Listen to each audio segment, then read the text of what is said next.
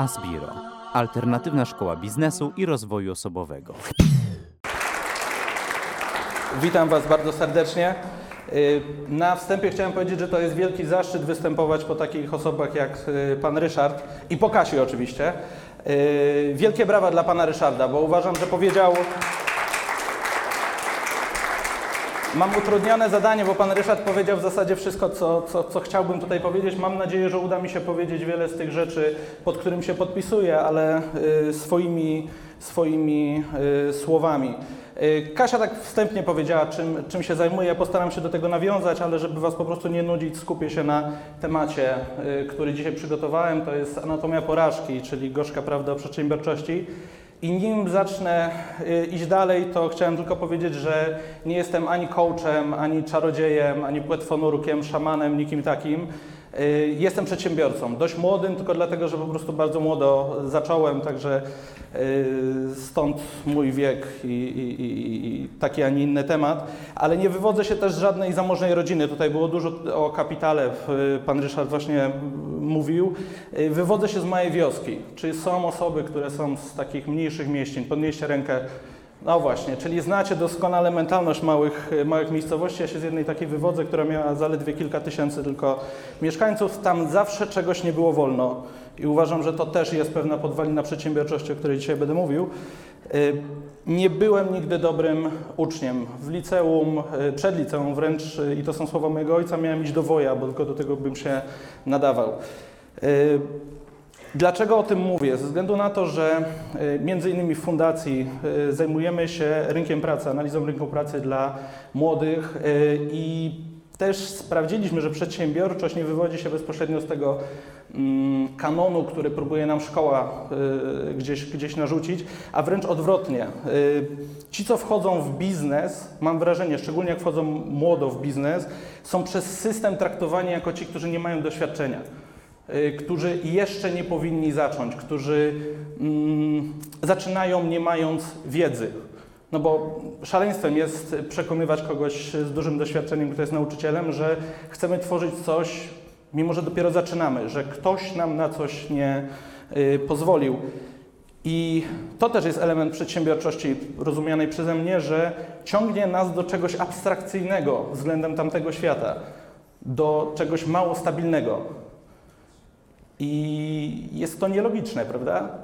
Bo zakładanie firmy nie jest logiczne, nie jest stabilne, nie jest czymś, co nam na pewno coś da. A przez kilkanaście lat jesteśmy wychowywani tak, że idź tam, gdzie na pewno coś będzie. Po szkole będzie kredyt, mieszkanie, praca, korpo i tak dalej. Yy, Wierzę i widzę to po, po tych badaniach, które robimy od lat fundacji, że yy, żeby wejść w biznes, mówię o biznesie takim rozumianym przez przedsiębiorczość, czyli wytwarzanie czegoś, yy, trzeba mieć pewną dozę szaleństwa, ale jednocześnie trzeba mieć też genialną intuicję. Inaczej, intuicja ma każdy, ona musi być genialnie yy, wyszkolona, ona musi być dobrze obudowana. I dzisiaj będziemy mówili o tym. Z jednej strony o szaleństwie, a z drugiej strony o, o intuicji. Mm, Jeżeli chodzi, ilu z Was ma firmę? Ilu z Was ma firmę dłużej niż 2 lata? Super. Ile z Was ma firmę dłużej niż 4 lata? Świetnie, będzie z kim pogadać. W porządku. Dlaczego, dlaczego pytam, ilu ma? Bo powiedzmy, że sala jest pół na pół, dlatego jedni dopiero się o tym dowiedzą, a drudzy już o tym wiedzą. To jest trochę jak z kierowcami yy, motorów. Oni dzielą się tylko na tych, którzy albo już się wywalili, albo dopiero się wywalą. Podobnie jest z firmą. Słuchajcie, to, że coś się schrzani, jest pewne. Macie to jak w banku. Już zaczynając, bo dzisiaj będziemy rozmawiali o gorzkich prawdach przedsiębiorczości i o porażce, już zaczynając macie bankowe, że coś się schrzani. I teraz tak, wiedząc o tym, że to jest pewne, bo nie wiem, czy da się prowadzić biznes, zakładając, że wszystko będzie według jakiegoś schematu i nic się nie, nie, nie wykolei. Jeżeli to jest pewne, to teraz pytanie, czy jesteście na tyle przygotowani, by umieć to wykorzystać? Czy kto z Was potrafi generować pieniądze bez inwestycji? Czyli nie przebudować model biznesowy na zasadzie wezmę leasing maszyny, przebuduję, wprowadzę nowych pracowników i jakoś się odbije. Ile jest takich osób, które jest w stanie w tydzień zrobić 30 koła, jak im braknie? Kto jest w stanie 10 zrobić? Jest już kilka osób. 5. 2000 w tydzień znikąd. Super. Jeżeli wiemy, że coś się schrzani, a wiemy na pewno, a jak nie wiemy, to załóżcie, że na pewno się schrzani, pytanie, jak to obudujemy? I tu będę mówił o tej intuicji. Ilu z Was na przestrzeni tych kilku lat, co prowadzi biznes jakikolwiek, musiało się przebranża przebranżawiać? Jest kilka osób. Wiecie, co to znaczy? Część nie jest na to po prostu gotowa. Miałem kolegę, mamy, ja z Opola pochodzę, yy, mam kolegę, który świetny biznes na odżywkach yy, zaczął robić i w tym momencie, tak jak przez ileś lat, świetnie mu się kręciło.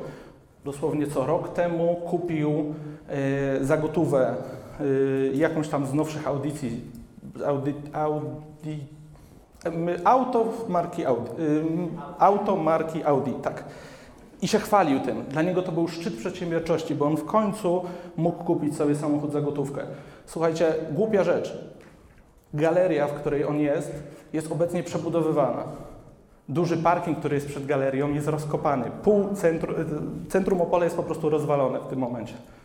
I wyobraźcie sobie gościa, który rok temu myślał, że podbił wszystko. W tym momencie lecą mu obroty o minus 80%. Takie rzeczy się dzieją. Dlatego mówię, że jeżeli mamy założyć, że coś się schrzani, na pewno się schrzani. To może nie będzie przebudowa, bo oczywiście wszyscy się cieszyli na tą przebudowę, bo to znaczy więcej ludzi. Tylko więcej ludzi za rok i trzy miesiące. Ilu z Was to wytrzyma? On jeszcze kilka miesięcy temu był zadowolony. No, teraz, teraz niekoniecznie. A rok temu był panem życia. Świetny facet, tylko no, pytanie, czy to przeżyje. I teraz tak, może to nie będzie remont. Yy, galerii, może to nie będzie przebudowa parkingu, może to nawet nie będzie przebudowa y, drogi koło waszego sklepiku, bo takie rzeczy też się dzieją i spada rentowność y, i obroty spadają o minus 80%. Ale wystarczy, że to będzie pracownik, który wam zniknie. Kluczowy pracownik, który był z wami powiedzmy, nie wiem, od dwóch lat. Nie macie procedur. On znika. Leżycie. To będzie kontrola jakakolwiek. Kto ma tak, że wyłączenie go z pracy na dwa dni generuje już straty firmy? Są takie osoby? Są takie osoby. Tutaj mój wcześniejszy przedmówca mówił o tym, że tam każda minuta jest na wagę chyba tam 100 tysięcy marek. To może nie będzie 100 tysięcy, ich to będzie 100 złotych. To zawsze są koszty. To będzie nalot kontroli. Ja miałem kilka nalotów, łącznie z tym, że przy otwarciu jednej z restauracji y, wpadła nam kontrola pierwszego dnia, kiedy było najwięcej osób i wpadła nam kontrola y, alkoholowa, bo ktoś doniósł, że sprzedajemy dzieciom.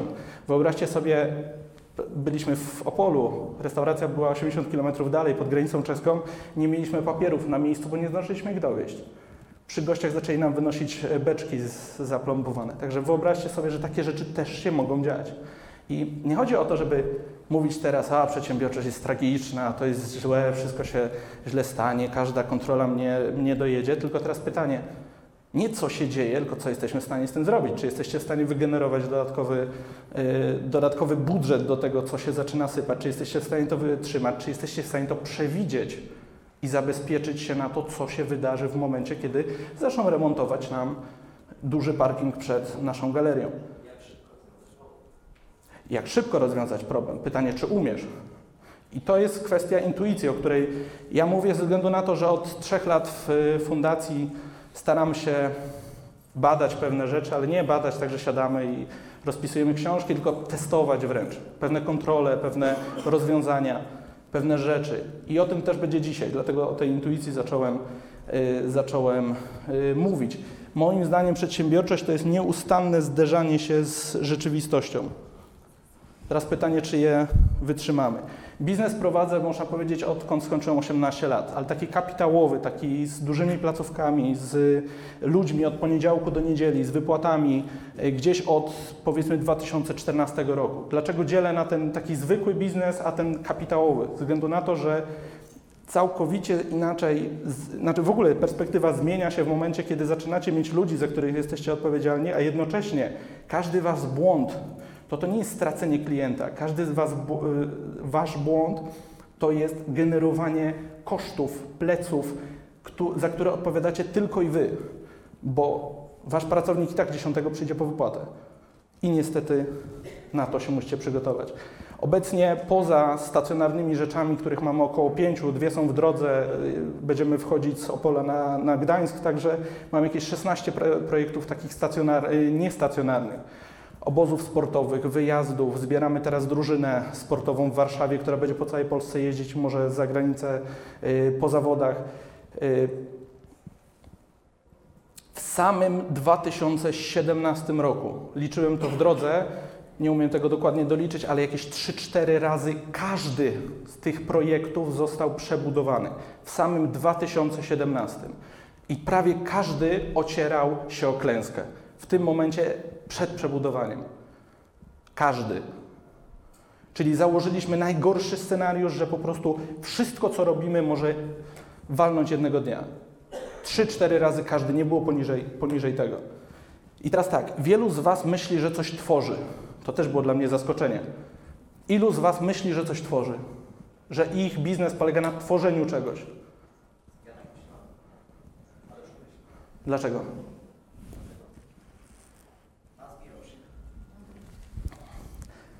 To oczywiste. Ilu z Was wyznacza samemu cenę, a nie patrząc na konkurencję wchodząc na rynek? Jest 7 osób na sali. Tu jest co z 200 osób? Ilu z Was wykonuje inne działania, nie kierując się działaniami konkurencji? Czyli wchodzę, patrzę, konkurencja robi taki baner, to ja też robię taki baner. Ciut więcej, dalej mało. Ilu z Was jest w stanie odróżnić opinie, wnioski od faktów? I na jakiej zasadzie? Na jakiej podstawie? Świetnie. Kto zbiera dane jeszcze? Kto je wykorzystuje? Słuchajcie, to jest promil, to, to co się ludzie tutaj zgłaszają. Ilu z Was tak naprawdę wie, jak działa ich biznes? No, jedna osoba, dwie, trzy, cztery, promil.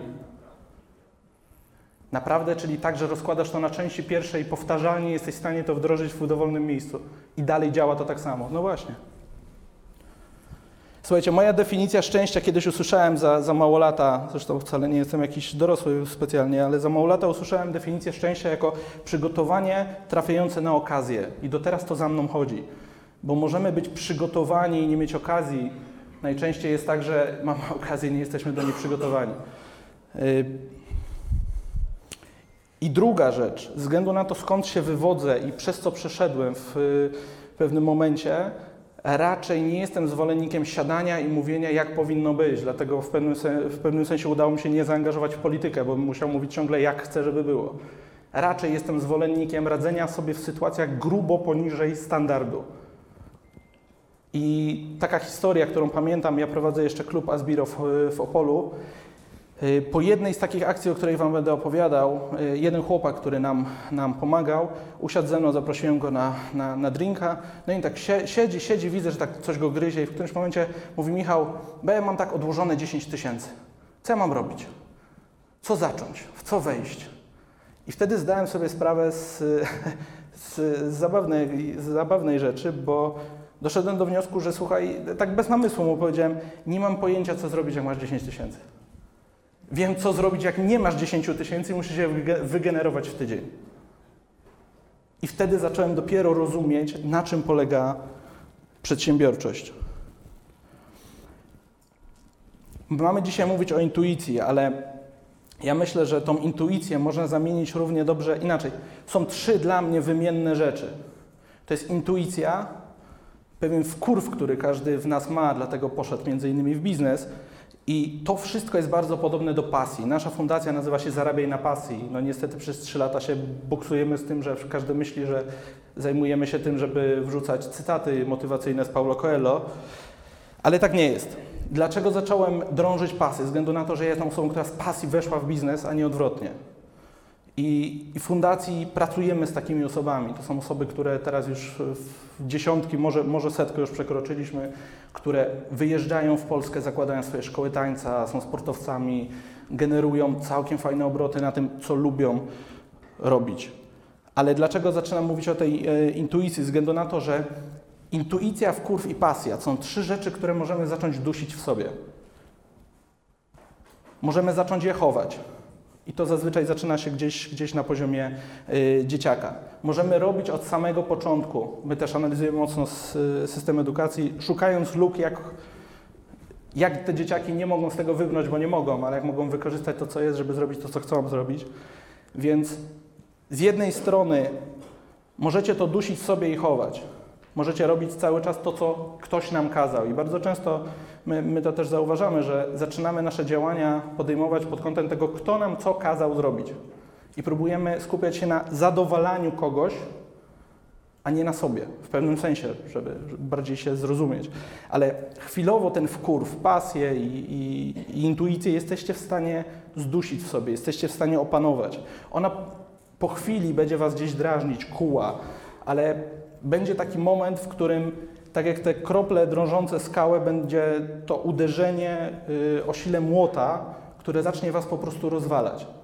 I zazwyczaj macie taki syndrom 30-latka, który, czy tam 40-latka, który ma trzy samochody, dwa, y, dwa domy, żonę, psa, dziecko i coś tam pod kopułą nie gra.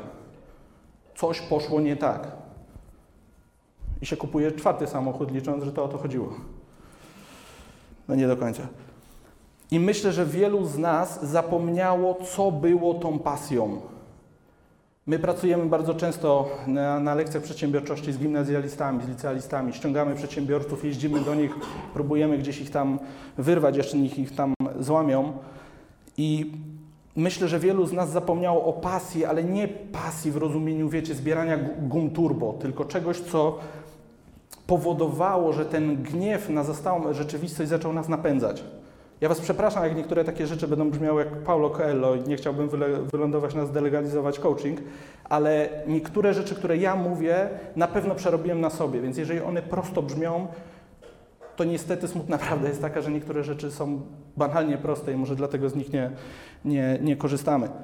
Ale te rzeczy, które miały nas napędzać, jak byliśmy dzieciakami, czy, czy, czy nie wiem, naście lat mieliśmy, czyli ta pasja, która przeradzała się w gniew, który nas napędzał, teraz będzie nas niszczył. I to się dzieje bardzo często u przedsiębiorców. Tylko jest trochę już za późno. Wchodzimy w biznes, bo dalej nas coś boli. I znowu zapominamy o naturalnym, jakichś tam predyspozycjach, intuicji, tej pasji.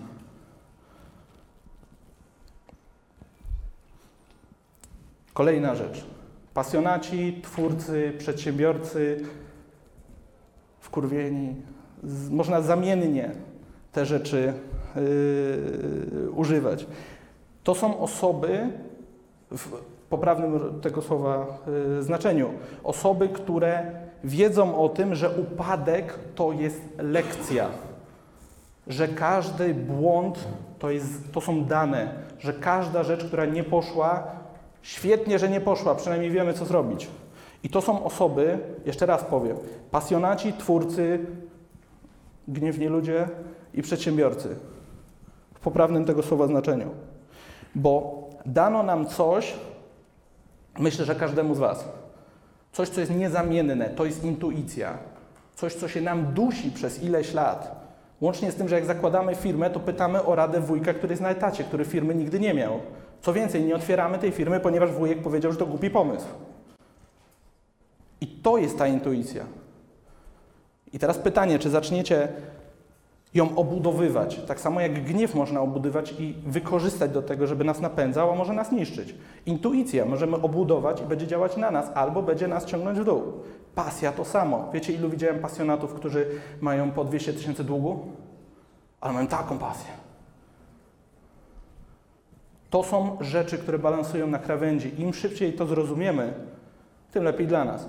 Bo możecie inaczej, tylko na pasji też nie polecicie, tylko na intuicji. Ale z drugiej strony możecie przeczytać masę książek i bez tej intuicji możecie sobie je zostawić na półce. powoli do sedna y, przechodzę, mam nadzieję, że nie, nie, nie przynudzam. Kamil Cebulski kiedyś powiedział, że Asbiro się udało dlatego, że wiedza jest wszędzie.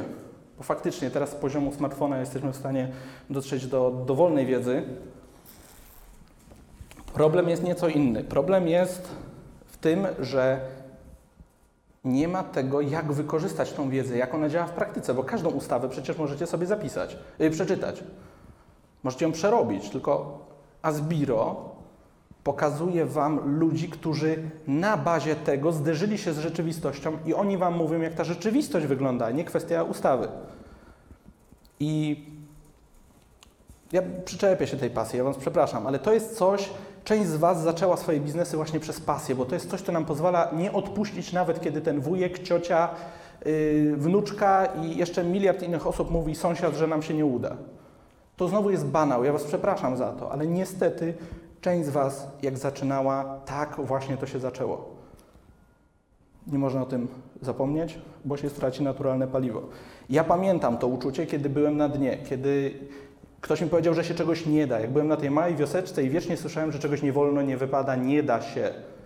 I to uczucie nas napędza. To, że sąsiad liczy na to, że nam nie wyjdzie, to, że nasza była żona, y, nie wiem, liczy, że y, też nam nie wyjdzie, to, że nawet nasz były kot liczy na to, że padniemy. To nas napędza. Oczywiście możemy ten gniew skierować w siebie i zacząć destrukcyjnie podchodzić, albo możemy się, możemy wykorzystać to jako paliwo.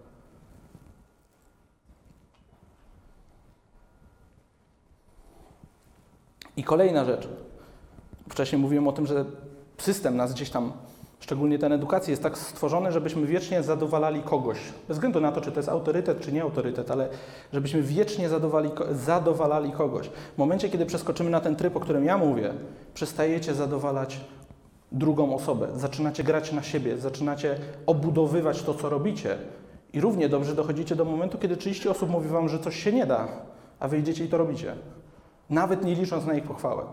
Oczywiście stary świat się będzie bronić, no bo, bo będzie się bronić przed, przed utratą statusu quo, ale już bez wpływu na Was. I przepraszam Was za taki długi, długi wstęp, ale to jest właśnie to, co myślę, że warto zrozumieć, że jest ten balans pomiędzy twórczością a czymś, co nas niszczy. Przez tą de destruktywną częścią, a tą twórczą. Ja to nawet porównuję do takiego wejścia do klatki lwa. Tak samo jest z pasją. Niech, ten pas, niech ta pasja czy ta intuicja będzie tym lwem. Żeby on was nie zjadł, on was musi szanować. On musi czuć, że jesteście, że ma was za co szanować. Myślę, że podobnie jest z ludźmi. Ludzie was, was nie mają lubić, mają was szanować, ale muszą mieć za co. Teraz pytanie, czy jest za co, czy tylko pędzimy za tym, żeby ktoś nas lajkował. I ostatnia rzecz, którą możecie sobie zapisać. Nieważne, co się dzieje, ważne, co z tym zrobicie. To Wam pomoże za każdym razem, kiedy intuicja Wam podpowiada jedno, a ludzie Wam podpowiadają drugie. I ja dokładnie to samo zrobiłem w momencie, kiedy miałem trzy tygodnie na przeniesienie jednej placówki sportowej do miasta oddalonego 30 km i dokładnie te, tyle samo na wygenerowanie dodatkowych 30 tysięcy, żeby to w ogóle przeprowadzić. Bo inaczej zostałbym na zielonej trawce. To samo myślałem w momencie, kiedy w tydzień, dosłownie chwilę później, musiałem przenieść drugą swoją placówkę, bo wyobraźcie sobie, właściciel budynku siedzi w Niemczech i sprzedał budynek. W tydzień trzy lata życia przenieść tak o. Nie wyobrażacie sobie, jakie to koszty y, generuje, a z drugiej strony musieliśmy nie przerwać cyklu zajęć. Wyobraźcie sobie, że macie po kilkanaście grup w tygodniu, może i więcej, i nagle i warsztaty weekendowe. W poniedziałek zaczynacie przenosić się do budynku, który jeszcze nie jest wyremontowany nawet. Musicie go wyremontować, dostosować. Co więcej, nie możecie zdemontować sprzętu szybciej niż w niedzielę wieczorem, a w poniedziałek o 17 mają być zajęcia. Nikt wam nie podpowie, żadna mądra książka i żaden telefon do przyjaciela, co macie robić. Prawdopodobnie to wy prowadzicie tą firmę, więc to wy macie tę intuicję. Nie mówię o ego bo niestety ego przedsiębiorców powoduje, że ta firma też leci na dół, ale to wy jesteście jedynymi osobami, które są w stanie takie rzeczy przeprowadzić przy takich wpadkach. Ale potrzebujecie do tego własnej intuicji, nie obudowanej emocjami. Pamiętam do teraz, przenosiliśmy jedną z tych, z tych placówek e, sportowych i wyobraźcie sobie sytuację poniedziałek rano. Powiedziałem, że, że w niedzielę wynosiliśmy sprzęt. Pomijam to, że po drodze się już zdupczyło wszystko, co, co tylko mogło, łącznie z tym, że przyczepka, z którą przewoziliśmy nocą rzeczy, y, siadło w niej zasilanie, jeździliśmy bez światła po centrum Opola. Yy, Wiertarka, którą udarowa, którą wkręcaliśmy w żelbet, yy, cały sprzęt nam się spaliła i tak za każdym razem było coś, co tylko nas dobijało.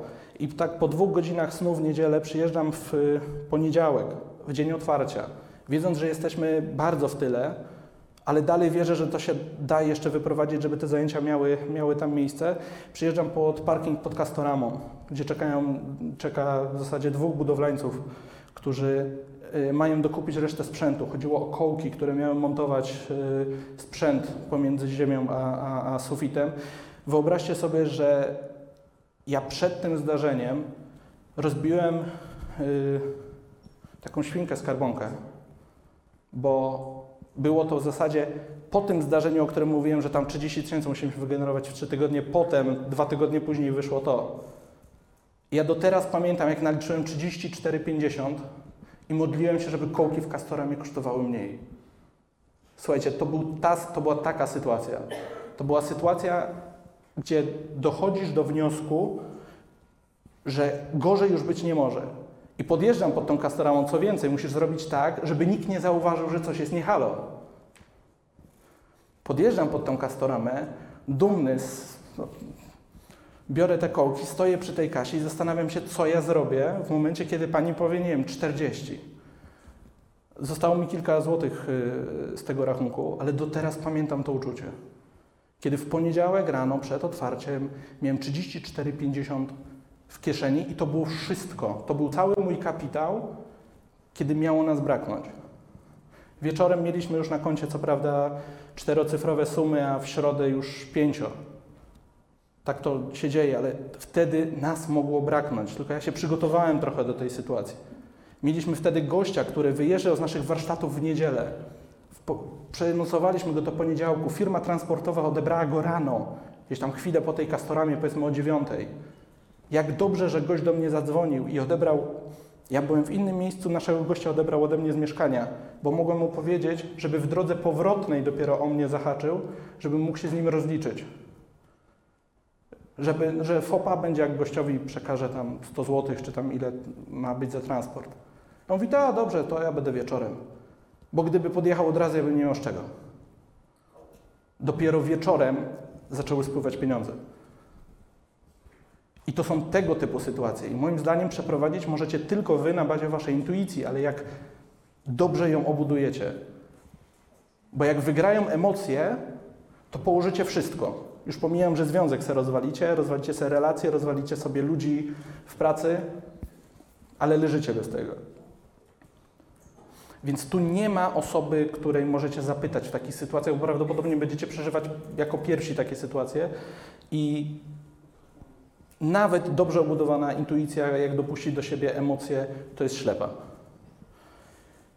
Co mi się przydało w ogóle? Tak, do tego wykładu przy, przygotowałem sobie, streściłem tam te 3 czy 4 lata prowadzenia i w zasadzie cofnąłem się do podstawówki i do tej wsi, z której się y, wywodzę. I mam wrażenie, że najbardziej przydała mi się świadomość to, że jesteśmy na przegranej pozycji. Zaczynanie ze świadomością, że jesteśmy za przeproszeniem w dupie po prostu. Ze względu na to, że jak nie masz nic, to nie możesz zbyt wiele tracić. Jak nie bronisz statusu quo, to faktycznie jesteś w stanie coś zrobić. Co więcej, każda zrobiona rzecz, każdy metr jest na wagę złota. I cieszy. Nawet jak nie dojdziecie do mety, to mieliście paść tu, padliście tu. Juhu! Rozumiecie? Całkiem inaczej to wygląda. I no, filozofia jest prosta. Skoro miało się nie udać, no to z każdego metra jesteśmy zadowoleni bardziej niż, niż powinniśmy. Co więcej, wtedy jesteśmy w stanie trzeźwo myśleć. To jest to, o czym mówił nasz yy, mój przedmówca. Nie robicie takich rzeczy, że przez opinię zadłużacie firmę dalej i lecicie w dół. Bo co sąsiad pomyśli? Nie. Twarda kalkulacja. Coś nam nie wychodzi, trzeba to wygasić. Bez emocji, bez bronienia statusu quo. Dzisiaj sąsiad powie, nie wiem, zamknąłeś firmę, ale za dwa lata to ty będziesz jeździł lepszym samochodem. Musisz to wyłączyć. I przekonanie, że na samym początku jesteśmy przegrani, ale nie tacy przegrani, że się poddajemy, tylko przegrani, że możemy tylko ugrać, bardzo pomaga. Mnie przynajmniej napędzało przez, przez lata. Zresztą y, sytuacja Trumpa, który bankrutował już cztery razy, nie wiem, czy ktoś go traktuje jako słabego biznesmena. Dlatego mówiłem. Przed, przedsiębiorcy, pasjonaci, porażka to jest tylko część, część nauki. Jak się tego nie nauczymy, to nas zje opinia, czy właśnie bronienie statusu quo. Podobnie moim, podobnie moim zdaniem jest z porażką. O, wyłączyło się.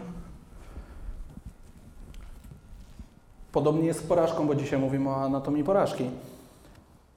Przywyknij do tego, że coś się nie uda, albo najlepiej przywyknij, że generalnie to się ma nie udać.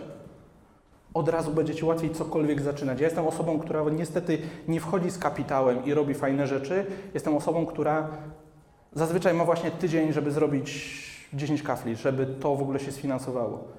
I mi bardzo takie myślenie pomogło. Poza tym jestem w gronie tego pokolenia, które raczej kapitału nie ma, całe szczęście nie ma zdolności kredytowej, więc takie umiejętności są na wagę złota. A z drugiej strony tworzymy fundację, gdzie uczymy, jak generować takie rzeczy, bo nie jest sztuką się zadłużyć na dzień dobry. Mam wrażenie a propos młodego pokolenia, że właśnie młode pokolenie szczególnie broni swojej zajebistości, takiego statusu quo. Jeszcze nic nie zrobili, a już bronią takiej pozornej właśnie zajebistości. Przez co, i zobaczcie jaka jest lekcja dla nas przedsiębiorców, którzy chcą gdzieś tam do, do przodu pchać te swoje rzeczy, które często dla sąsiada są niemożliwe.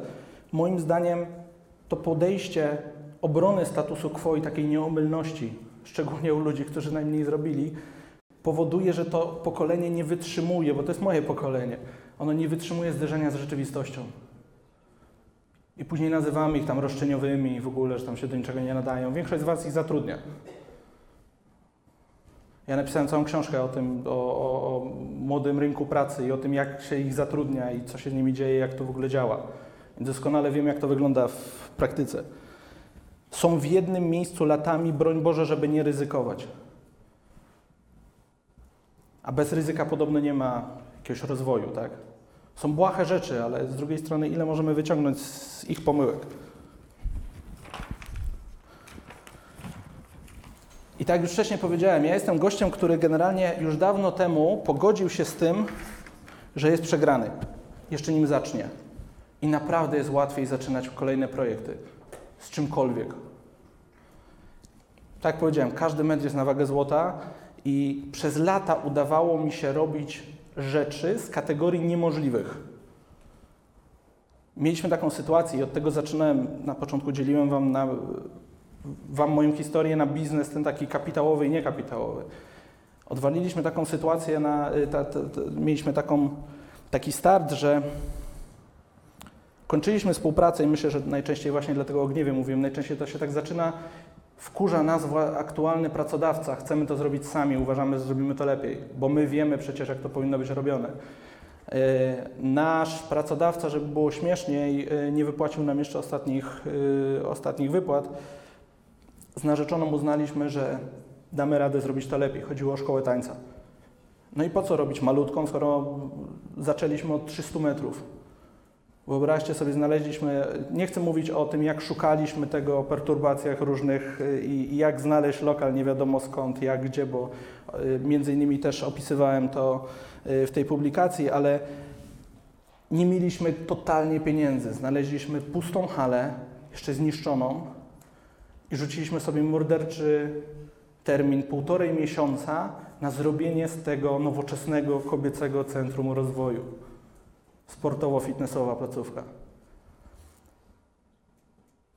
Bardziej nie da się być z tyłu, jak jeszcze to, że na start nie dość, że nie mieliśmy finansowania, to jeszcze nam pracodawca nie wypłacił pieniędzy, bo uznał, że skoro ostatnia wypłata, to nie musi. I doszliśmy do wniosku, że skoro i tak jesteśmy przegrani, i tak, no naprawdę, bardziej w dupie się nie da być. I tak się czuliśmy to każdy ugrany metr, nawet jak nam nie wyjdzie, powiem, kurde, fajnie było, chociaż tam kilka kroków. No już trudno. Postawiliśmy wszystko. Mieliśmy półtorej miesiąca. To, to było jakieś wariactwo, słuchajcie. No ale dobra, jak wyremontować to centrum, jak wyremontować tą halę, skoro nie mamy kasy? To mówię, dobra, słuchaj, wiemy, co chcemy robić, wiemy. Przez y, perturbacje, jeżeli chodzi o negocjacje, szukanie lokalu i tak dalej, zdążyłem już stworzyć cały system, grafik, nawet stronę dobudować, wymyślić całą filozofię tego. I tylko dlatego, że nam się nie udawało znaleźć miejsca, więc to też był jakiś plus. Ale jak już znaleźliśmy i ono było zniszczone i naprawdę dużych nakładów potrzebowaliśmy, doszliśmy do wniosku, dobra, słuchaj, nagrywamy filmik. Filmik trwał dwie minuty. Moja narzeczona Weronika na tym filmiku mówi generalnie, stojąc, wyobraźcie sobie, że ona stoi tam, z tyłu jest nic. Nie, tam jest gorzej niż nic. Tam jest jeszcze nic. I ona mówi, słuchajcie, za półtorej miesiąca tutaj będą piękne trzy sale, y, będzie takie zajęcia, takie, tworzymy miejsce, w którym sami chcielibyśmy, do którego sami chcielibyśmy y, chodzić. To jest nasze marzenie, taką mamy ideę, pasjonaci i tralalala. To było dla nas ważne, naprawdę kupę serducha w to daliśmy. I puściliśmy to w sieć. Jednocześnie, nie będąc do końca przekonany, ale coś mi podpowiedział Michał, pójdź zapisy. Słuchajcie, filmik, który miał dwie minuty, został nagrany komórką, wygenerował nam 30% zapisów. Wykupionych karnetów na coś, co ma być za półtorej miesiąca i nie istnieje jeszcze. To była strona na fejsie i mail i dane do przelewu i grafik. 30%. No to jak nie mieliśmy ścian, to postawiliśmy ściany. No jak postawiliśmy ściany, to nagraliśmy drugi filmik, że malujemy te ściany i jesteśmy coraz dalej, że coraz mniej czasu, ale walczymy po nocach, wszystko. I daliśmy to, co mieliśmy moim zdaniem najważniejsze, czyli pasję, pewną ideę, co chcemy stworzyć. No i zrobiliśmy filmik, że tam nagrywamy, wrzucaliśmy oczywiście, że tam po nocy coś robimy, cały czas w roboczych ciuchach. No i znowu coś wpadło. No to mieliśmy znowu na marketing. No to zrobiliśmy i tak to zaczęliśmy nakręcać. Słuchajcie, w którymś momencie to nie była jakaś duża grupa, ale w którymś momencie nie dość, że skupiliśmy uwagę mediów, bo odpowiednio to obudowaliśmy, tak? Absolwenci uniwersytetu pasję rozwijają, chcą swoje miejsce stworzyć. To dla nich było łatwym kąskiem, bo daliśmy im cały temat na tacę, ale z drugiej strony ileś set osób oglądało nas i czekało na kolejny filmik, jak gry, na nowy sezon Gry o Tron. Chciałeś też sobie coś udowodnić. Cały czas chcę. Od tej wsi, gdzie mi powiedzieli, że czegoś nie mogę i myślę, że część z Was dokładnie to ma, jeżeli tego jeszcze nie zdusiła. Robicie coś, bo chcecie udowodnić komuś, że nie miał racji, bo Wy coś czujecie. Ja też miałem taki problem. Często coś czułem, ale nie umiałem o tym powiedzieć, nie umiałem tego wytłumaczyć, a z drugiej strony nie chciało mi się tego nawet tłumaczyć. Ja wolałem to zrobić i patrzcie na to. Tak Cię przekonam. I myślę, że to jest nasza siła jako przedsiębiorców i to, co nas, nas, nas pcha. I słuchajcie, tym sposobem ja do teraz pamiętam, ja do teraz pamiętam, jak 5 minut przed otwarciem zabrałem tą yy, z brudną wodą, to, to wi- wiadro i jak ci ludzie zaczęli wchodzić, jak tam się zaczęło kręcić. Do teraz pamiętam, jak o trzeciej w nocy przed otwarciem malowałem okna, bo były drewniane, żeby wyglądały na nowsze. Wszystko było na styk. Dzień po dniu to było tak, nie wiem, czy następnego dnia mam za co zapłacić. Ale daliśmy to, co mieliśmy najważniejszego i obudowaliśmy to pewną metodyką, przynajmniej taką, jaką wtedy mieliśmy. Słuchajcie, na pięć dni przed otwarciem był u nas dziennikarz, który chciał z nami wywiad zrobić. Tam nie było koloru ścian i podłogi. I on mówi, no to, ale to ten 19 to lutego. Ja nie, stycznia. A on mówi, to za pięć dni. Ja mówię, no. I jego wzrok, jak on spojrzał na mnie, że chyba pan szalony jest, wtedy zrozumiałem, że już nie muszę nic udowadniać. Mówiąc, ja będę po prostu robił. Tak samo jak półtorej miesiąca wcześniej nie chciało mi się udowadniać niedowiarkom, że coś się nie uda. Gwarantuję Wam, 19 stycznia otwarliśmy wzrost karnetów znowu o kolejne 30%. Tyle osób nie wierzyło, że to zrobimy na czas. I dopiero jak zrobiliśmy, to jeszcze ruszyło. Uwierzcie mi, na początku stycznia czułem się bardzo przegrany, bo wiedziałem, że prędzej czy później to się źle skończy. Ale metodyka, zero emocji, działanie. Też jestem osobą, słuchajcie, która nikt mi niczego nie dał. Nie miałem wzorca, szczególnie męskiego, albo miałem nie za dobry. Y, Nie przeczytałem wielu książek przed tym, jak y, dopiero jak wszedłem na studia, zacząłem się tym w ogóle interesować. Nie miałem ani czerwonego paska, nie byłem dobrym uczniem, jak wcześniej wam powiedziałem, nadawałem się podobno po y, gimnazjum tylko i wyłącznie do, do woja. Ale szybko zrozumiałem, że mam coś cenniejszego. Dwie rzeczy, których nie da się zero-jedynkowo wy, wyjaśnić, ale to jest pasja i wiara w to, że pewne rzeczy jestem w stanie zrobić. Ja to nazywam intuicją, bo to jest dość przyziemne słowo. I bardzo szybko zrozumiałem, że w to muszę inwestować. I tylko to było w stanie mnie przez lata z pewnych nieprawdopodobnych rzeczy y, wybronić. Na koncie naprawdę mam więcej porażek niż sukcesów. I tak powinno być. Ma się Wam udawać co dziesiąta rzecz. Nie życzę nikomu, żeby, żeby y, od razu pierwsza się, się udała.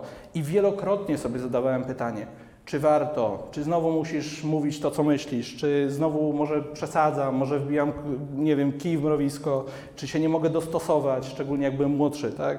Czy znowu muszę wchodzić w jakiś konflikt i, i, i znowu próbować zmieniać rzeczywistość. Czy nie mogę dostosować, nie mogę jak moi koledzy iść do korpo albo robić takiej firmy normalnej, tylko musisz od razu robić coś. Całe szczęście i wierzę, że większość z Was dokładnie też coś takiego ma. Mam paskudnie ciężki charakter i póki w coś wierzę, to walczę. I podobnie było przy tym otwarciu. Póki wiedziałem, póki jeszcze miałem siłę w nogach, w łapach, wiedziałem, że to dopycham. Nawet jak już wiedziałem, że nie ma na koncie pieniędzy, jak stałem pod tą kastoramą kilka lat później, wiedziałem, że póki mam, to lecę. Jak nie, to coś innego wymyślę. I moim zdaniem to jest przedsiębiorczość. Przynajmniej dla mnie. I naprawdę nieraz była taka sytuacja, że chciałem usiąść i wyć.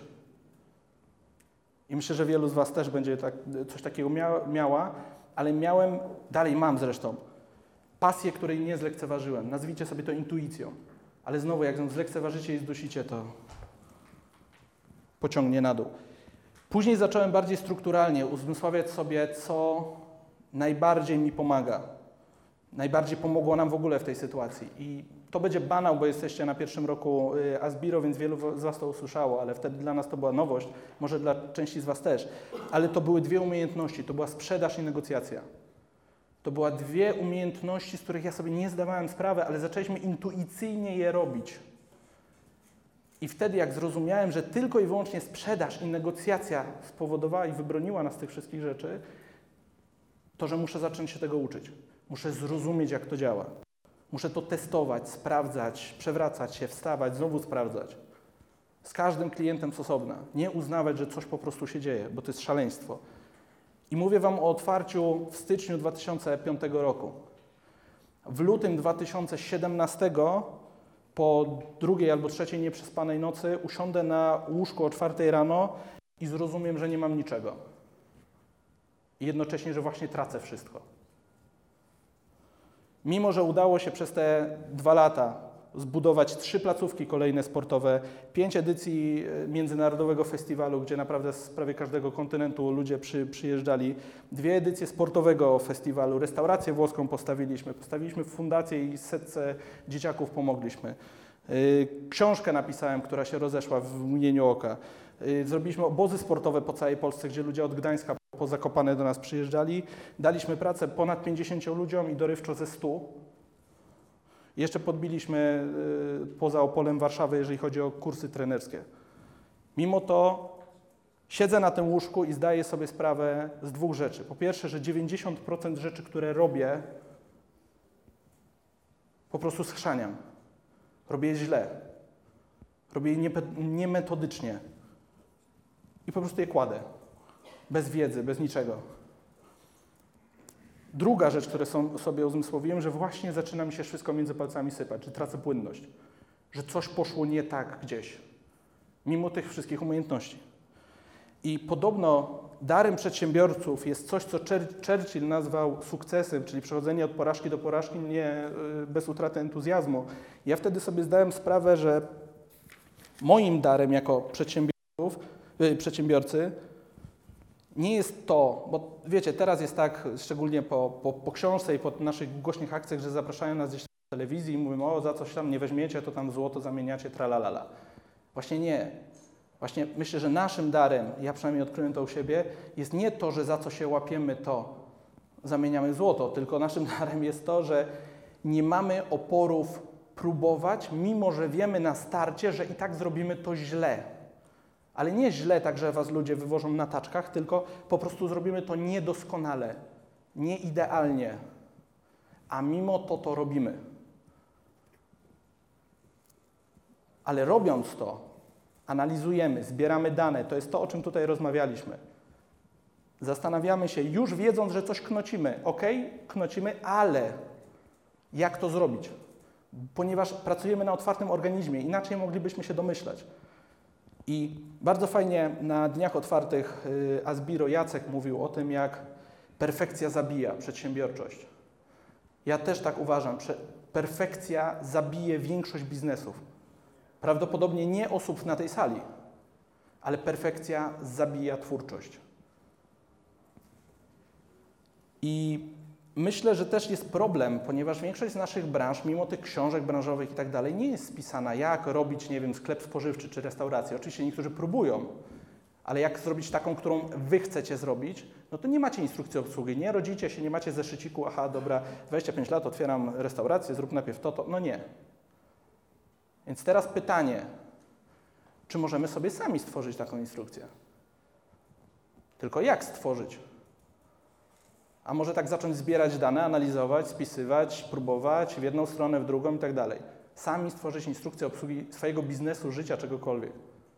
Brzmi jak szaleństwo, tak? No jasne, szczególnie dla osób, które są z zewnątrz, mają procedury korporacyjne i tak dalej.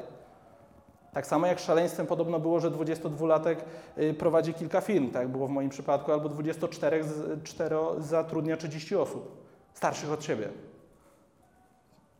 To, co wczoraj mówili, że jest niemożliwe, dzisiaj jest regularnie działającym przedsiębiorstwem u mnie. Więc teraz pytanie, jaką dozę szaleństwa jesteśmy w stanie wykazać, żeby pewne rzeczy przepchać.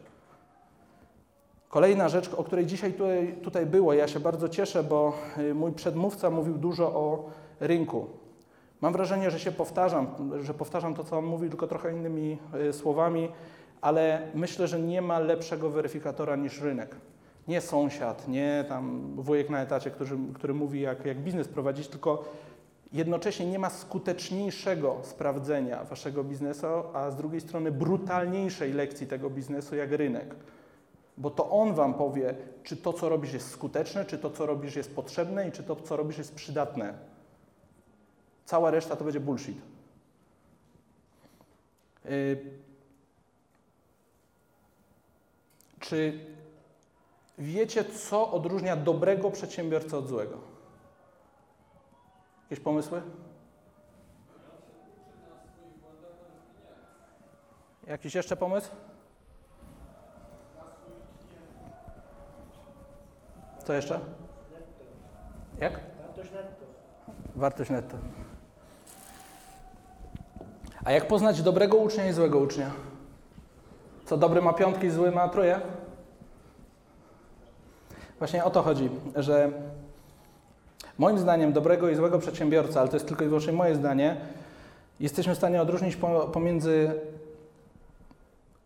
tym, jak go wstawimy pomiędzy kanon a intuicję. Bo to jest dokładnie to samo rozliczenie, yy, tak jakbyśmy próbowali wstawić dobrego ucznia pomiędzy tym piątkowym a tym jedynkowym. A ja Wam gwarantuję, że ten piątkowy wcale nie musi być dobrym uczniem, może że w rozumieniu tego systemu, a ten trójkowy wcale nie musi być idiotą. Podobnie jest z przedsiębiorcami, w mojej ocenie. Pomiędzy tym, czy wybierze kanon, ponieważ ma firmę budowlaną i 300 innych firm budowlanych robi tak samo, więc muszę tak robić, czy wybierze intuicję, bo z jakiegoś powodu wylądował w tej firmie budowlanej. No może, że tego nie lubi, ale jeżeli lubi, to z jakiegoś powodu i może musi to wykorzystać. A może wykorzystuje to źle.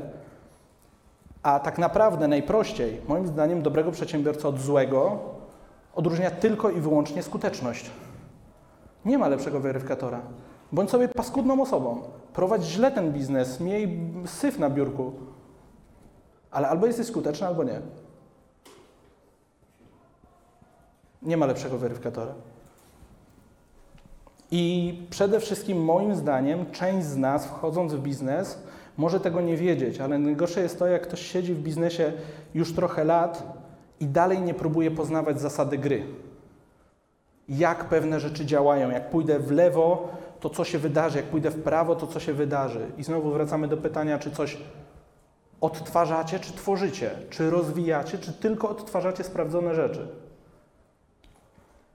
Bo niestety wielu z nas myśli, że coś tworzy, a tak naprawdę po prostu coś próbujemy dublować. I znowu wrócę do danych. Dlaczego bez danych jesteśmy w dupie? Względu na to, że nic nie wiemy. Inaczej.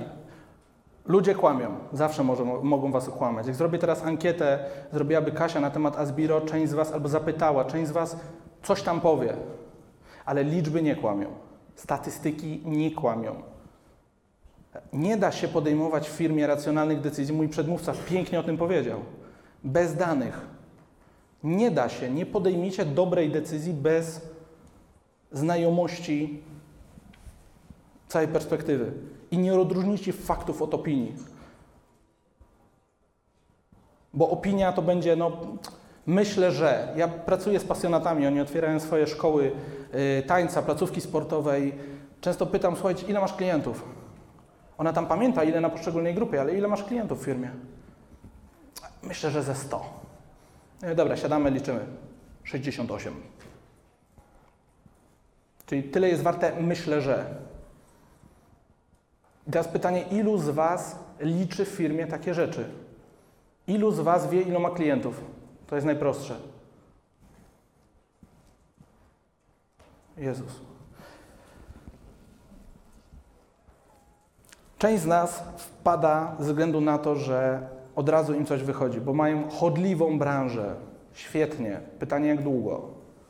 Bo mój kolega też miał chodliwą branżę, tylko nagle się okazało, że jest zależny od wielu czynników, których on nie rozumiał, bo gdyby on rozumiał tą branżę i stałoby się coś takiego, on pomyślał sobie, aha, dobra, trzecia szuflada, tam, tak, dobra, robimy ten plan, okej, wiem co zrobić, tu przerzucam, tu robię, bo by znał mechanizm, wiedział co działa. A to jest tak, że wchodzimy, robimy, no o, zadziałało, robimy. Zawsze działało to.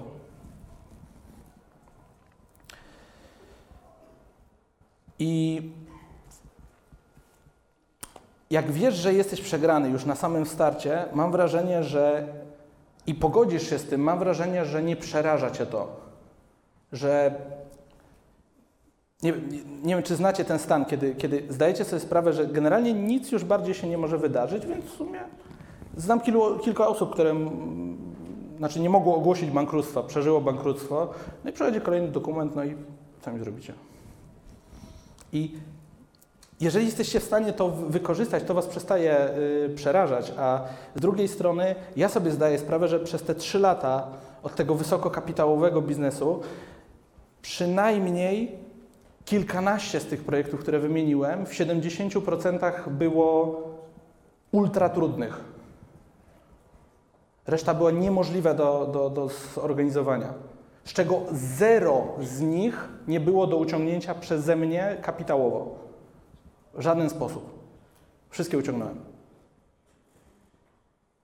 Więc mimo wszystko, moim zdaniem, metodyczne i zrozumienie biznesu i metodyczne rozłożenie na części pierwsze powoduje, że nawet jesteście w stanie generować kapitał w momencie, kiedy y, nie macie go fizycznie, ale musicie go wytworzyć. Mówię, ja też nie jestem z biznesu. Ja jestem z pasji, która weszła do biznesu, więc u nas najpierw jest pomysł, co chcemy zrobić, a potem jest, jak to sfinansować. Więc u mnie też jest trochę, trochę inaczej. A mimo to udało nam się postawić kilka placówek sportowych, ale postawiłem też restaurację. Postawiłem restaurację w niemożliwym miejscu w zasadzie i bo teraz tak, jeżeli zdasz sobie sprawę, że generalnie jesteś przegrany, że tam niewiele się może wydarzyć, to teraz sprawdzasz granicę w drugą stronę. To w takim razie ile jestem w stanie zrobić, skoro sky is the limit i, i te inne takie. I mnie już w którymś momencie przestało przerażać to, że nie wyjdzie, tylko to, że wyjdzie.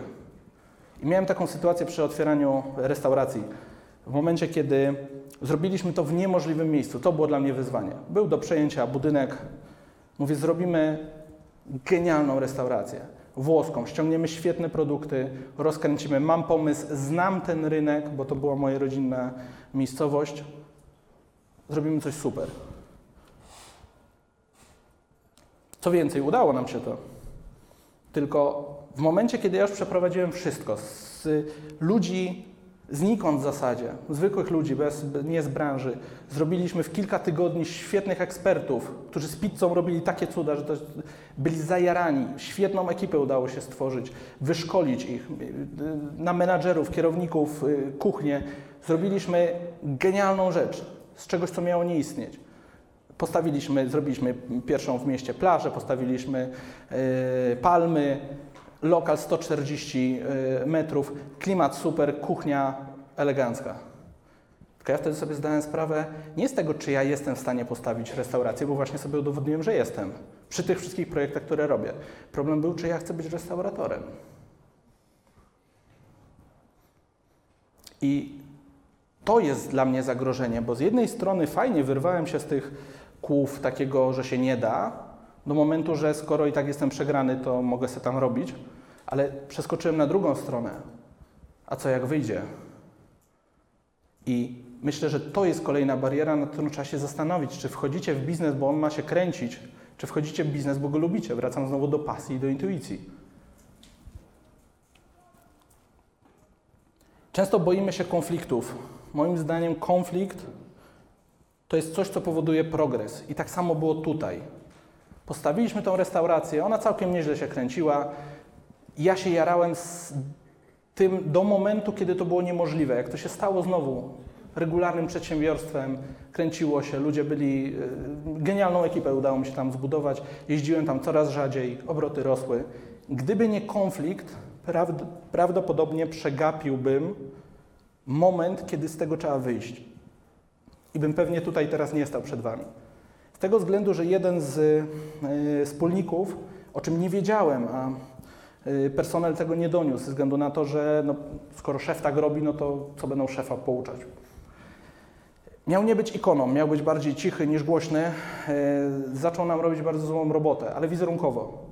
Pojawiał się, pojawiał się w niefajny sposób i nie wiedziałem o tym do momentu, kiedy nie wiedziałbym do momentu, gdybym nie zbierał danych, a zbierałem dane od samego początku. Jeżeli obroty nam nie spadają, bo część z nas po prostu liczy obroty, mówię, a jest spoko.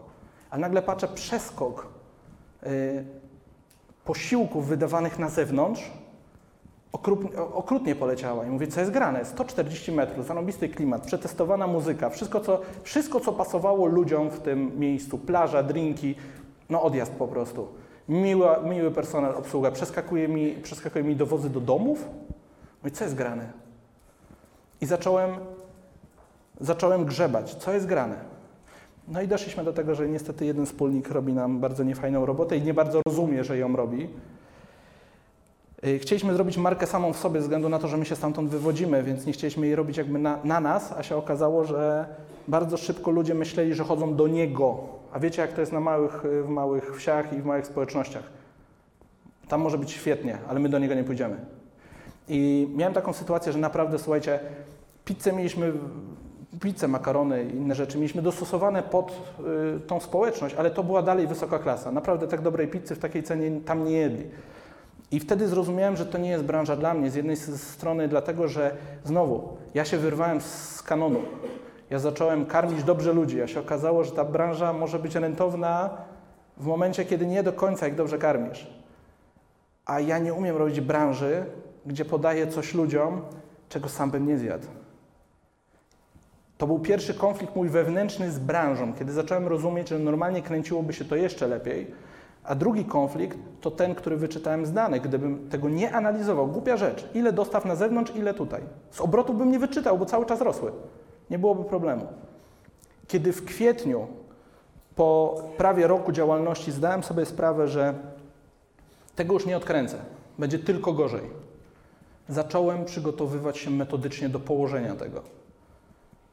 Nie przejmując się, że to jest moja rodzinna wieś, że, czy tam miasto, że ludzie sobie pomyślą to czy tamto.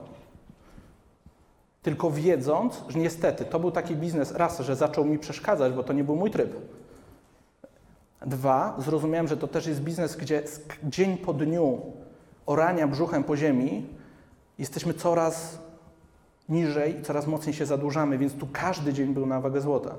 Oczywiście wszyscy wokół mi mówili, że nie, że co ludzie powiedzą, że nie wypada, łącznie ze wszystkimi wspólnikami. Ale już wtedy wyczułem raz, że z danych, dwa, intuicja mi podpowiedziała, Michał, tak, teraz. Co więcej, to nie jest tak, że to był plan B, to był jakiś plan Z. Bo plan B był taki, że od razu była osoba, która chciała to wszystko kupić. I by było tak, nie było problemu. Plan kolejny było, że pracownicy to kupią, znaczy wynajmą jakby. Gdyby, to był plan przy zakładaniu, że gdyby coś to. Plan C był znowu, że jeszcze inna osoba z miasta obok potrzebuje restauracji, więc sobie zrobi jeszcze. Nie przewidziałem tylko tego, że zarówno jeżeli nasz y, wspólnik zaczął odstraszać tych zwyczajnych klientów, to nagle w naszym imieniu zaczął nam odstraszać ludzi, którzy potencjalnie mieli to kupić. Nagle zaczęli się wycofywać, mówić, co jest grane. Czyli ze wszystkich scenariuszów, nawet jeżeli założyłem, że to może kiedyś klęknąć, wszystkie mi się położyły. Wszystkie takie, łącznie z tym, że nawet personel nie chciał, oni ze mną chcieli pracować, ale oni wiedzieli, że tamta osoba będzie związana, powiedzieli, nie, nie ma bata. I w tym momencie zdajesz sobie sprawę, że musisz to kłaść. Tylko jak to położyć metodycznie, jednocześnie wizerunkowo dobrze wyjść, z drugiej strony y, nie, y, żeby nie zaognić jeszcze tego konfliktu, a z trzeciej strony, żeby jeszcze na tym nie stracić albo stracić jak najmniej. I to było kolejna rzecz, której się y, co prawda nie spodziewałem, ale doszedłem do wniosku w kwietniu, mówię, Michał, kładziemy. Mimo tego, że oczywiście wszyscy mówili, że, że jest inaczej. Słuchajcie, do teraz pamiętam sytuację. Oczywiście y, przygotowałem się do sprzedaży udziałów, przygotowałem się do tego, żeby y, mieć jak największy wpływ na y, wyprzedaż tego, co jest na miejscu i żeby przekazać budynek tak, żeby on jeszcze się, się był, był w stanie wy, wypłacić.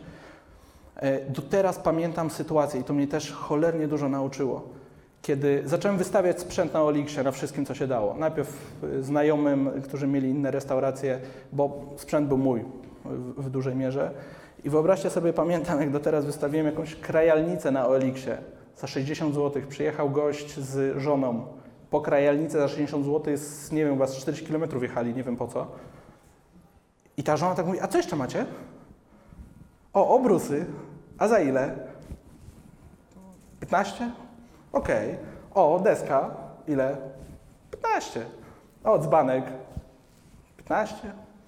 I słuchajcie, co tam, że dzbanek kosztował 5 wtedy w Auchan, nie? Deska pewnie też mniej, ale słuchajcie, ja wtedy zrozumiałem, na czym polega sprzedaż.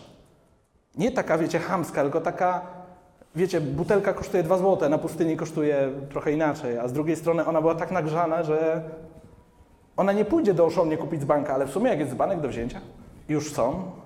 I słuchajcie, ja do teraz pamiętam, i oni byli zadowoleni, ja do teraz pamiętam, że babka mnie pyta, a co jeszcze macie?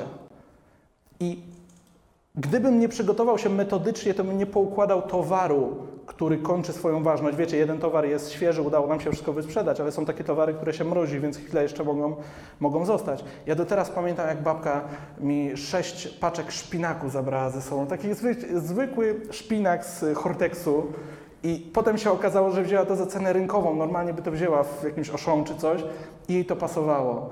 Gość wziął ode mnie 18 ryb, bo robiliśmy takie grillowania, które po prostu zostały nam z jakiegoś grillowania ostatniego. 18 ryb, które podejrzewam, że jeszcze z tydzień by tam uciągnęły. I przyjechali wydać 60 zł. Zostawili u mnie ponad 5 stów. Tak o, ja wtedy zrozumiałem. I ona, on tak mówi, no szkoda, że zamykacie i tak. Nie, nie znała nas, tylko mówi, no, że tak szkoda. Proszę Pani, ja jestem najszczęśliwszym człowiekiem na ziemi. Ja dopiero teraz zrozumiałem, że pieniądze ma się nie wtedy, jak się zakłada firmę, tylko jak się, je- ją się zamyka. Często przed Wami występują osoby, które coś kładły i to jest takie, wiecie, przepaść taka. Naprawdę, słuchajcie, zamykanie pewnych rzeczy wcale nie musi być tak tragiczne, jak się odetniecie od tych emocji oczywiście i tych opinii i innych rzeczy. Bo ktoś tam powie, o, zbankrutowałeś, nie? A ktoś tam powie, no dobra, ale ja jeżdżę od tygodnia lepszym samochodem niż ty od 10 lat. Y. Więc ja wtedy zrozumiałem, że osoba, która zamyka firmę, dopiero ma pieniądze. I Przez ten brak emocji, zimną kalkulację udało mi się to położyć yy, i to w trakcie, yy, bo zamknęliśmy w, na początku lipca i teoretycznie nielogicznie, powinniśmy dociągnąć do sezonu letniego, przeciągnąć go do września i zamknąć. Yy, I bardzo dobrze, bo wszystko wskazywało na to, że gdybym tego nie zrobił, yy, czyli nie zamknął w yy, lipcu, to bym w sierpniu i we wrześniu już był na bardzo dużej stracie. Do tego są prądy, inne rzeczy. Nie, nie wyobrażacie sobie, jakie obciążenia z miesiąca na miesiąc generuje restauracja. Co więcej, ja uważam ten okres za najdroższe i najcenniejsze studia w moim życiu. I gdyby ktoś mnie zapytał, czy bym to jeszcze raz zrobił, tak. Zbudowałem genialny zespół. Nauczyłem się nimi sterować zdalnie. Oni sami wykonywali masę rzeczy, o których nie prosiłem. Nauczyłem się tego wszystkiego. Nauczyłem się gastronomii. Zrozumiałem, i to jest chyba najcenniejsze, że to nie jest coś, co chcę robić na co dzień. Nie taki tryb. Co więcej, mimo że byłem gówniarzem dwudziestokilkuletnim, byłem bardziej zachowawczy niż 40-50-latkowie z podobnej branży. To też udowadnia nam pewne rzeczy, które jesteśmy w stanie fajnie przepchać. Mówi się, że najgorzej będzie, jak zaczniemy i nam nie wyjdzie. Bójda. Nie życzę Wam tego, żebyście zaczęli, żeby Wam wyszło. Co więcej, nie życzę Wam tego, żebyście zaczęli, żeby Wam wyszło i żebyście nie rozumieli wtedy dlaczego. Bo nie ma nic gorszego. Nie każdy z Was oczywiście będzie osobą, która wystartuje z firmą, która nagle poleci i super, tylko y, nawet y, Sadowski doskonale wie, dlaczego mu wyszło. Albo inaczej, jak zaczęło wychodzić, zaczęli próbować rozumieć, dlaczego im wychodzi. Wy widzicie teraz tylko osoby, którym wyszło, a posłuchajcie, co one mówią, jak do tego dochodziły. Życzę Wam, przepraszam, ale żeby Wam od razu nie wyszło. Nie, żebyście też mocno wpysk dostali, ale dostali na tyle, żebyście musieli to nadganiać. U mnie się tak zaczęło, jak się okazało. Zbudowaliśmy na początku ze znajomym, jeszcze na początku tam dwudziestu kilku lat jak miałem, y, zbudowaliśmy agencję marketingową w oparciu o wideo. Ja od dzieciaka się w wideo y, pasjonowałem, więc zacząłem w to iść i zdaliśmy sobie sprawę, ja chyba po latach dopiero, że nie wyszło nam względu na to, że zaczęliśmy oferować nasze usługi, bo one oczywiście były świetne, najlepsze i analizowaliśmy social media całe na przykład y, danego partnera, chcieliśmy mu zrobić całą kampanię pod to i tak dalej. Nie wiedzieliśmy, dlaczego to nie, nie żre. Okazało się, że to są ludzie, którzy nie potrzebują tego. Oczywiście oni źle prowadzą tego Facebooka. Oni mają złe filmy, ale oni sprzedaż generują na czymś innym. Oni to mogą wizerunkowo, ale to im nie jest potrzebne. Czyli zaczęliśmy kierować do złych osób. Gdyby nie to, gdyby nie to, że dostaliśmy w pysk i zaczęliśmy y, robić plecy, to nie zaczęlibyśmy myśleć, co nie wychodzi, nie zbudowalibyśmy agencji, która y, chwilę później, kilka miesięcy później robiła ogólnopolskie zamówienia. Kolejna rzecz, restauracja. Wybudowaliśmy ją w miejscu, gdzie de facto karmiliśmy najedzonych ludzi. Paradoks. Bo oczywiście ona była fajna, obroty się kręciły, to by nas uśpiło, ale moim zdaniem po przekroczeniu drugiego roku zaczęłoby lecieć to wszystko na łeb na szyję. Dlaczego? Bo restauracja, pizzeria, cokolwiek w dużym mieście powoduje, że powiedzmy, nie wiem, zakładając, że jakiś tam promil, czy tam, nie wiem, 2% ludzi przyjdzie do ciebie w ciągu tam tygodnia czy miesiąca. W dużym mieście wypełnia ci to cały lokal. W małym mieście nie starcza ci nawet na tydzień na opłacenie rachunków. I już jest problem. I druga rzecz, zaczęli, i to było fajne, bo ona była smaczna, ludzie o tym mówili, yy, ludzie przychodzili, tylko co by było później? Skoro my trafiliśmy na mieścinę, gdzie babcia robi najlepsze rolady, potem się idzie do szwagierki, do ciotki, do wujka, do babci, do mamy i wszędzie, wszyscy cię wszędzie karmią. Więc tam nie ma głodnych ludzi, którzy mówią, wiesz, o, restauracja, dobra, to, to wejdę szybko coś, albo weźcie, przywieźcie mi pizzę, bo nic nie ugotowałam. Trafiliśmy na bardzo podatny grunt pod kątem tego, że tam tego nie było i tam to było wow. Tylko za dwa lata to już by nie było wow, nawet jakby to było mega jakościowe. A kapitałowo i jeżeli chodzi o koszty, było to dość, dość, dość wysoka inwestycja. I myślę, żebyśmy się po drugim roku zderzyli z tym, że zacząłby nam lecieć, nie wiedzielibyśmy dlaczego. Tak jak z agencją, zaczęliśmy kierować to do ludzi, którzy tego nie potrzebują. Tak samo z restauracją. Prawdopodobnie zaczęliśmy karmić ludzi, którzy nie są głodni. Co więcej, yy, agencja eventową, którą stworzyliśmy, która yy, później, już w zasadzie teraz, ona też znowu na terytorium całej Polski organizuje eventy, zaczęliśmy organizować event, aktywne eventy dla ludzi, którzy lubią odpoczywać. Bo to był świetny pomysł. Trafialiśmy do ludzi, którzy po prostu chcą odpoczywać, nie są aktywni, czyli zaczęliśmy robić coś pod siebie, zamiast robić pod nich. Wtedy zaczęliśmy od par. Zrozumieliśmy, że pary wcale nie chcą aktywnie wypoczywać, tylko chcą wypoczywać. Czasy się trochę teraz już zmieniły, ale wtedy faktycznie yy, celowaliśmy tam, gdzie nie trzeba było. I gdybyśmy tego nie zrobili, nie nauczylibyśmy się, co robimy źle. I nie moglibyśmy tego zrobić o wiele lepiej. I taka mądrość, yy, że jeżeli zaczniecie robić firmę dla siebie, a nie dla kogoś, będziecie w niej siedzieć i za nią sobie płacić. Ja się bardzo często spotykam to u pasjonatów, jeżeli budują swoją szkołę. Oni budują swoją idealną szkołę, tak jak oni wiedzą, że ta ściana ma być taka, tu ma być kanapa, tu ma być to. Tylko zapominają o tym, że oni nie budują tej szkoły de facto dla siebie, tylko dla kogoś. Jak zbudują dla siebie, to będą w niej siedzieć i za nią płacić. Smutne, ale prawdziwe. Z drugiej strony, zobaczcie, jesteśmy na Sbiro. Kto nas uczy? Kamil Cebulski, Paweł Królak, Kamil przez bankructwo przeszedł, Królak się otarł, Piotr Motyl dwa razy zbankrutował, Marcin Osman, to jest, jest słynny przypadek, Darek Urbaś, który jest z moich y, okolic, bankructwo bez możliwości y, ogłoszenia upadłości. Większość z nich upadła. Czyli jednak od tego w pewnym sensie można zacząć, ale upadła i zrozumiała, jak to działa, bo tylko z tej pozycji podłogi jesteśmy w stanie inaczej na to spojrzeć. I teraz, bo mówimy, a znowu się włączyło, mówimy o anatomii porażki. I teraz pytanie, jak zaczniemy to odbierać, bo jak zaczniemy to odbierać jako zadowolenie naszego sąsiada, to zaczniemy mieć problem.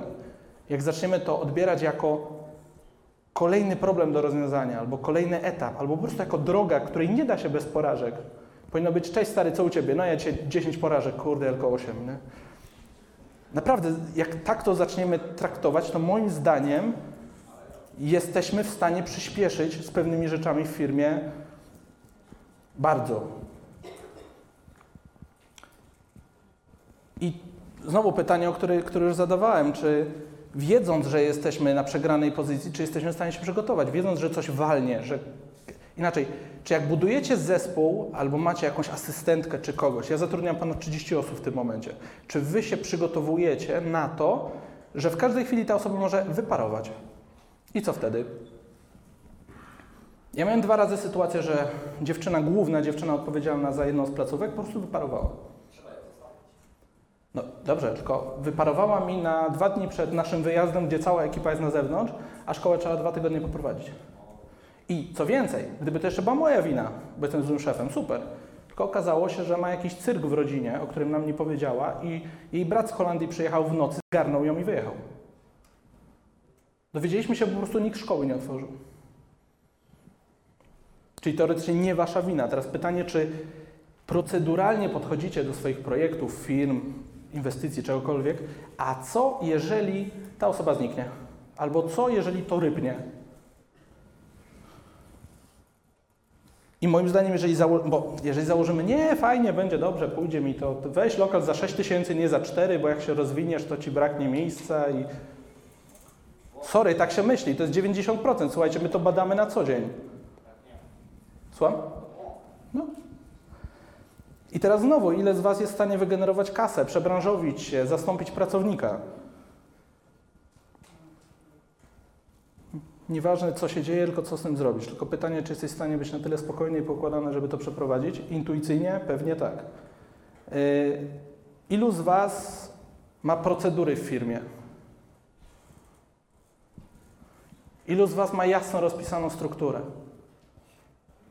Ilu z Was pracownik przychodzi i ma pięć kartek, na czym polega jego stanowisko pracy? Co ma, ilu w ogóle z Was zatrudnia ludzi? Jak wygląda jego stanowisko pracy? Co on ma zrobić? Co ma zrobić kiedy to, a kiedy tamto? Nie dlatego, żeby traktować go jak idiotę, tylko dlatego, żeby Słuchajcie, do mnie przychodzą dziewczyny, jesteśmy w stanie y, wyszkolić pracownika, który poprowadzi całą placówkę przez najbliższe dwa tygodnie w ciągu półtorej dnia z jedną osobą. Kolejny tydzień, żeby, y, żeby wytrzymać jeszcze dłużej i po dwóch tygodniach jesteśmy w stanie go zostawić zniknąć. I na początku, ja też mówię, jestem z pasji, która weszła do biznesu. Myślę, o, procedury, Jezus Maria, brzmi jak korpo. Później zobaczyłem, że dziewczyny z tą instrukcją chodzą tak po firmie. Ja mówię, kurde Michał, ja w końcu wiem, co wy ode mnie chcecie. Ja w końcu wiem, co pracodawca ode mnie chce. Ja w końcu wiem, co mam robić. Co więcej, ja nie mam telefonów. Bo jeżeli cokolwiek się dzieje, no to ona, aha, drukarka, co jest jak drukarka się zatnie i tak dalej. Struktura, cokolwiek się dzieje. Obecnie, tak jak powiedziałem Wam w samym 2017, 3-4 razy prawie każdy projekt i obecnie część projektów całkowicie przebudowałem, całkowicie zmieniłem albo wymieniłem na inne, tylko dlatego, że lepiej rozumiem, jak one funkcjonują, lepiej rozumiem firmy, jak one działają. Yy, Kontroluję w tym momencie koszty, czyli coś, czego nie rozumiałem siedząc wtedy od tej czwartej rano na tym łóżku i wiedząc, że po prostu lecę na pysk, że to, to, to lada moment będzie koniec. Kontroluję koszty, mam jasne procedury w firmie i uwierzcie mi, to jest firma, gdzie ja nie umiem pracowników wyrzucić do domu. To nie jest taka firma, wiecie, że tam Michał przyszedł i pokładał. Mają przyjść na 16, oni od 11 siedzą, kawę piją i se gadają. Co więcej, czasem mają przyjść na 15, przychodzą o 16, wpisują sobie, że są od 18. Ja ich z firmy nie umiem wyrzucić. O to chodzi. Mogę wyjechać na dwa tygodnie i nic się nie wydarzy. Kto z Was może po prostu wyjść z firmy i nic się nie wydarzy? Ja czasem wchodzę do firmy i ze względu na to, że nie mam mnie w procedurach, ja im czasem przeszkadzam się śmieją ze mnie, że mnie zwolnią. Bo przeszkadzam. Wielokrotnie przy wielu projektach, po, po restauracji się też tego nauczyłem y, przy, przy mocno kapitałowym y, biznesie, wielokrotnie przy wielu projektach mam kasę na koncie już 9 albo 12 miesięcy przed. I to są czasem y, bilety osobowe, wiecie, po 2, 3, 4 tysiące. Nim zainwestuję w tym momencie 10 zł w reklamę albo w cokolwiek, mam na koncie już 1000. I tak podchodzę teraz do projektów, które robię. Zastanawiam się, czy jestem w stanie każdy z tych projektów uratować, teraz schodząc z tego wykładu, otwierając laptopa. Jeżeli jestem w stanie, to w to wchodzę. Bo to jest mój tryb. Chodzi o to, że nie, że to jest dobry tryb, tylko każdy powinien odnaleźć swój. I nauczyłem się na tyle, że przebudowałem to w taki sposób, że działa to na mnie. Bo ja nie wyobrażam sobie prowadzenia biznesu po to, żeby być tam więźniem w pewnym sensie. No, stawiamy biznes, żeby się dobrze bawić, nie? Stawiamy biznes, żeby robić fajne rzeczy. A nie po to, żeby się wiać o 7 rano, że znowu musiałem przyjść tutaj, otworzyć i znowu zamknąć o 23 i siedzieć na tej recepcji i tak dalej. Gdybym nie przeszedł tych wszystkich wpadek, to bym tego nie zrozumiał, bo bym myślał, że tak jak wujek powiedział, czy tam tata, czy ktokolwiek, biznes to jest coś ty, ty tam masz być, ty masz krzyczeć na tych pracowników. Wiele z osób na Asbiro przychodzi, ja jestem w Asbiro powiedzmy z 3, może 3,5 roku, więc widziałem tego cały multum. Przychodzą ludzie i mówią, no ja chcę coś zrobić. A co chcesz zrobić? A ja chcę handlować w internecie. A czym? No i podam jakiś abstrakcyjny przykład. Kołdrami. A czemu kołdrami? Nie wiem, lubisz kołdry, śpisz, nie wiem, po czterema w ciągu tygodnia, nie wiem, lubisz kolory. A nie, bo słyszałem, że to fajnie idzie. Hmm. Ja się pytam w tym momencie, słuchajcie, gdzie jest naturalne paliwo, czyli pasja, zainteresowanie, zajawka do czegoś. Ja wiem, że to może brzmieć górnolotnie, ale to jest naprawdę, słuchajcie, prozaiczne. Czy chłopaki tutaj z manufaktury zajmowaliby się wideo, gdyby Janek się tym tak nie jarał? No nie, bo w którymś momencie to przyczepianie tych kabelków by go zaczęło wkurzać i by to rzucił. I to jest to właśnie to drążenie tej, tej kropli, kropli. I metodycznie, przede wszystkim tych wszystkich procedur, struktur, to co ja tu opowiadam, nie wprowadzicie i osoby, które mają struktury, tam jest, jest, jest kilka osób, które cały czas podnosiło y, ręce, nie wprowadzicie w połowie bo jak wytłumaczycie pracownikowi, że za, tą samą, za te same pieniądze nagle musi dostosować się do reguł, do których się nie dostosowywał przez rok, jakoś nic się nie działo, teraz nagle coś tam od niego chcesz. Czyli nim wejdziemy w biznes, zastanówmy się, jak to ma wyglądać, jaki jest scenariusz wyjścia, jak to ma być poukładane, kim my jesteśmy, co my chcemy robić, jak to ma być zrobione. Oczywiście działanie musi być przede wszystkim, ale jak już zatrudniacie ludzi, musicie dać im coś. Nie może być tak, że pani Zosiu, pani tu usiądzie i pani będzie. A potem jest zgrzyt, że ktoś miał umyć podłogę, no i ale podłoga jest brudna. No pan powiedział, że mam myć. Nie, mówiłem, że masz umyć. A, to, to ja umyję teraz. Rozumiecie? Jak tego nie macie spisane, to za każdym razem coś wam będzie zabierać czas, który wy możecie poświęcić na firmę. I gorzka prawda o przedsiębiorczości, bo o tym dzisiaj głównie mieliśmy mówić, to jest taka, że, taka, że mamy przerąbane jeszcze nim zaczęliśmy. I to jest fajne. Tylko pytanie, jak do tego podejdziemy, ale to jest fajne, dlatego że każdy kolejny dzień to jest jakieś zwycięstwo. Słuchajcie, kładziecie się do łóżka i mówicie, a, dzisiaj mnie nie, nie dojechali. Jest. To jest fajne w pewnym sensie. Nie, nie wstajecie rano i nie boicie się, Jezus, jak ktoś zadzwoni, Jezus, kontrola, je... nie. Jak wiecie, czego się boicie, jesteście w stanie się do tego przygotować, zabezpieczyć. Jak coś się wydarzy, ok, trzecia półka po lewej, czwarta kartka. I na luzie, i spać dalej. To jest fajne w przedsiębiorczości. Tego, że nie bronimy statusu quo i takiej pozornej stabilizacji. I część z Was wie, że ta stabilizacja to nie jest nic dobrego. Mówiono nam to w jakiś, w celu widocznie, no ale nas to nigdy nie przekonywało, dlatego poszliśmy w biznes, a nie w awansy w korpo. Nam nie jest potrzebny pewny grunt. Nam jest potrzebne coś, co gdzieś nas tamkuje, jeszcze tego nie nazwaliśmy. Ja to nazywam pasją, intuicją, wkurwieniem, jakkolwiek. Fajne jest to, że właśnie mamy wyzwanie każdego ranka, że wstajemy i coś się może wydarzyć, ale fajne jest też to, bo same wyzwania to będzie właśnie ta pusta pasja, która pociągnie nas na dno. Fajne jest to, że mamy masę narzędzi, którymi możemy to obudować, tą naszą intuicję, ten nasz biznes, cokolwiek, które właśnie spowodują, że my będziemy spać spokojnie, że nie będziemy się bali, że ktoś nam wejdzie do firmy. Ja mam w tym momencie tak firmę zabezpieczoną, że w zasadzie żadna kontrola nie jest w stanie mnie zaskoczyć. Żadna. Mieliście dzisiaj z Mikołajem o strukturach. Więc wiecie, że jesteście po prostu w stanie zniknąć w pewnym sensie. Albo przynajmniej na miesiąc do przodu zabezpieczyć się przed pewnymi mechanizmami. Ja mam cyrk na przykład z ZAX-em w mojej branży.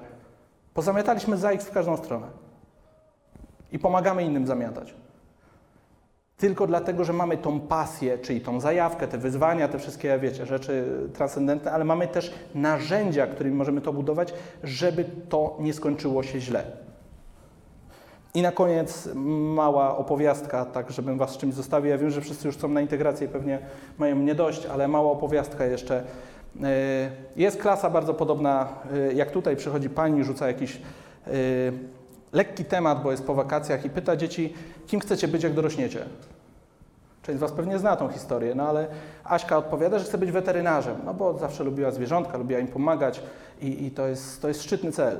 Krzysiek wyrywa się, że chce y, być strażakiem. Tata jest strażakiem, tata jest odważny. On chce być jak tata. No i jest taki niemrawy Jasiu tam gdzieś z tyłu. No i Jasiu, pani pyta, Jasiu, no a kim ty chcesz być, jak dorośniesz? No i Jasiu tak niemrawo mówi, proszę panią, a ja to chciałbym być szczęśliwy. Nie, nie, Jasiu, nie zrozumiałeś pytania. Nie, to pani nie zrozumiała życia. I tego Wam życzę jako przedsiębiorcom, żebyście zrozumieli życie, ale po swojemu, na swoich zasadach. Nie tak, jak robi to konkurencja, nie jak to robi sąsiad, nie jak to robi ktokolwiek inny, tylko po swojemu. Zakładamy firmę, żeby się dobrze bawić. Tyle ode mnie. Dziękuję ślicznie.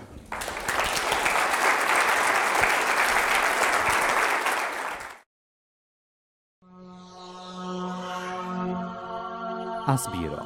Alternatywna szkoła biznesu i rozwoju osobowego.